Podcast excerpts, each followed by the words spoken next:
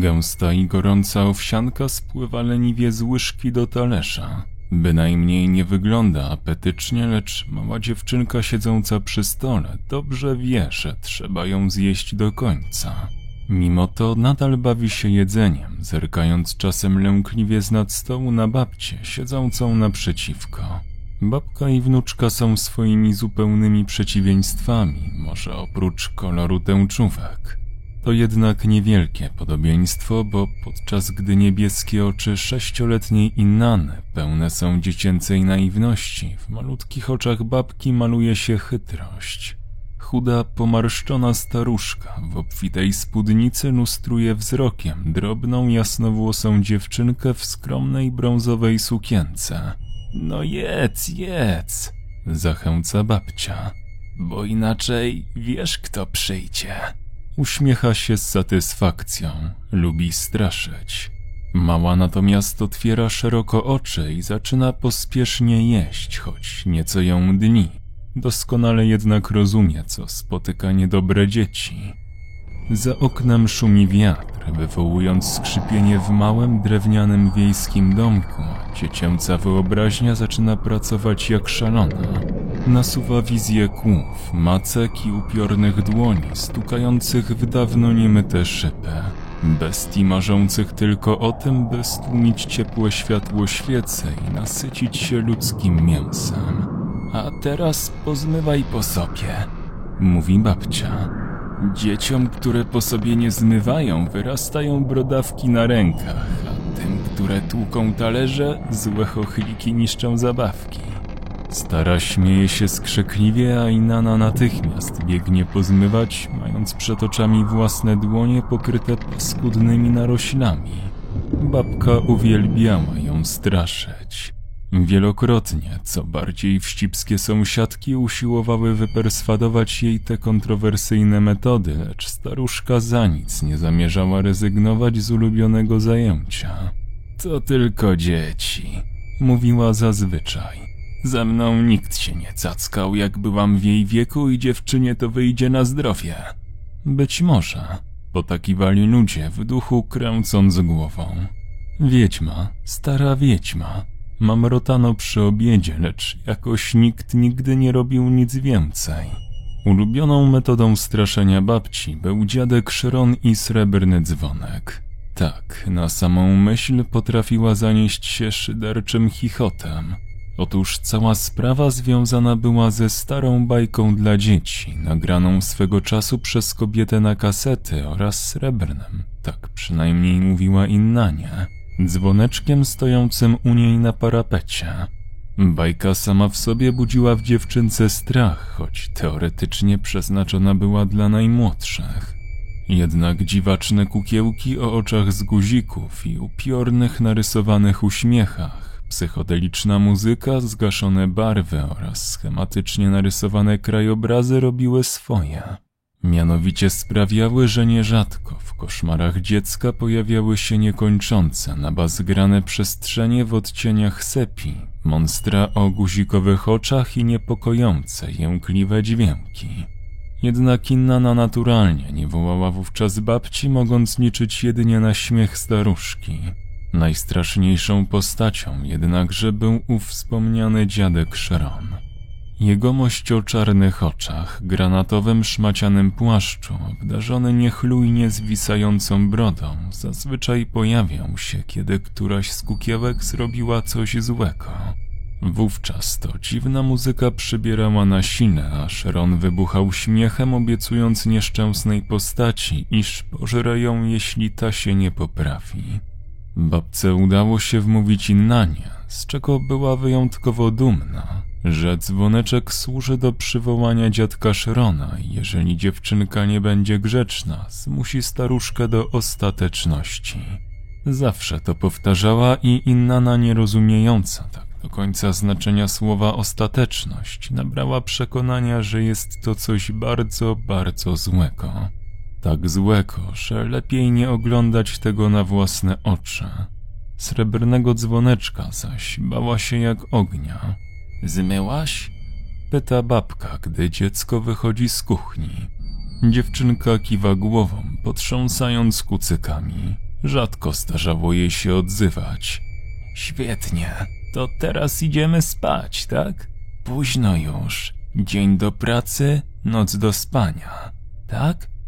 Babka wstaje, szurając hałaśliwie krzesłem. A, waha się i Nana. Dziadek Szron nie przyjdzie? Staruszka wybucha głośnym śmiechem, aż niemalże drżą ściany chatki, opierając dłonie na kolanach. Twarz dziewczynki pokrywa rumieniec. Zaciska ze złością usta. Cholera wie, odpowiada babcia, uspokoiwszy się nieco. Idź spać. Innana leży w swoim łóżku, obserwując cienie tańczące na ścianie. Nie boi się już. Jest tak zła, że nie potrafi się bać. W głowie zaś wciąż dźwięczy jej śmiech babki. Mam dosyć, myśli, zaciskając dłonie na kołtrze. Ma ochotę zrobić coś, co zaskoczy babkę, odbierze jej pewność siebie.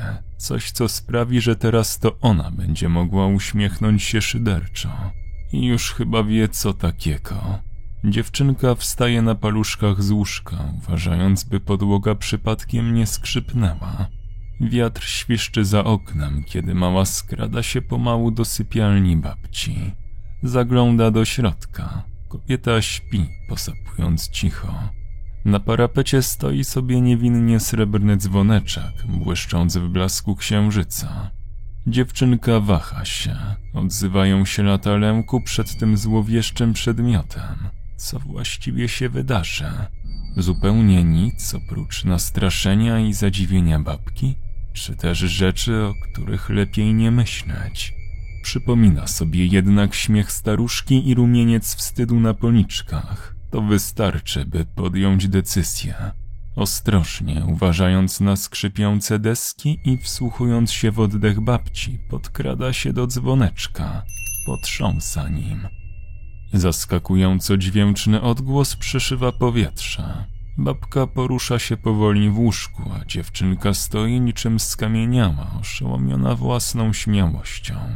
Wtedy jednak dzieje się coś jeszcze, najpierw delikatne i nieokreślone. Do pokoju wpada zimno, cienie drzew za oknem poruszają się gwałtownie.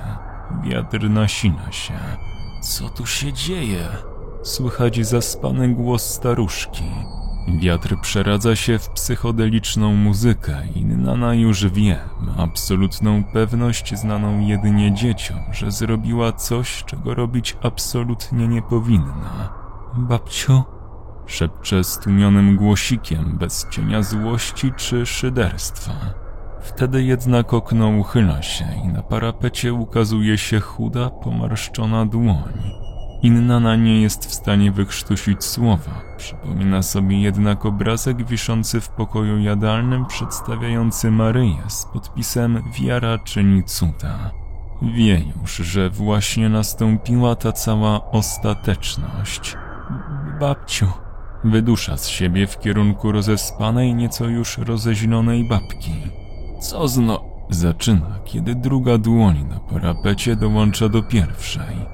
W oknie zaraz za jej łóżkiem ukazuje się sylwetka odziana w poszarpane szmaty o niechlujnej siwej brodzie i czarnych otworach zamiast oczu.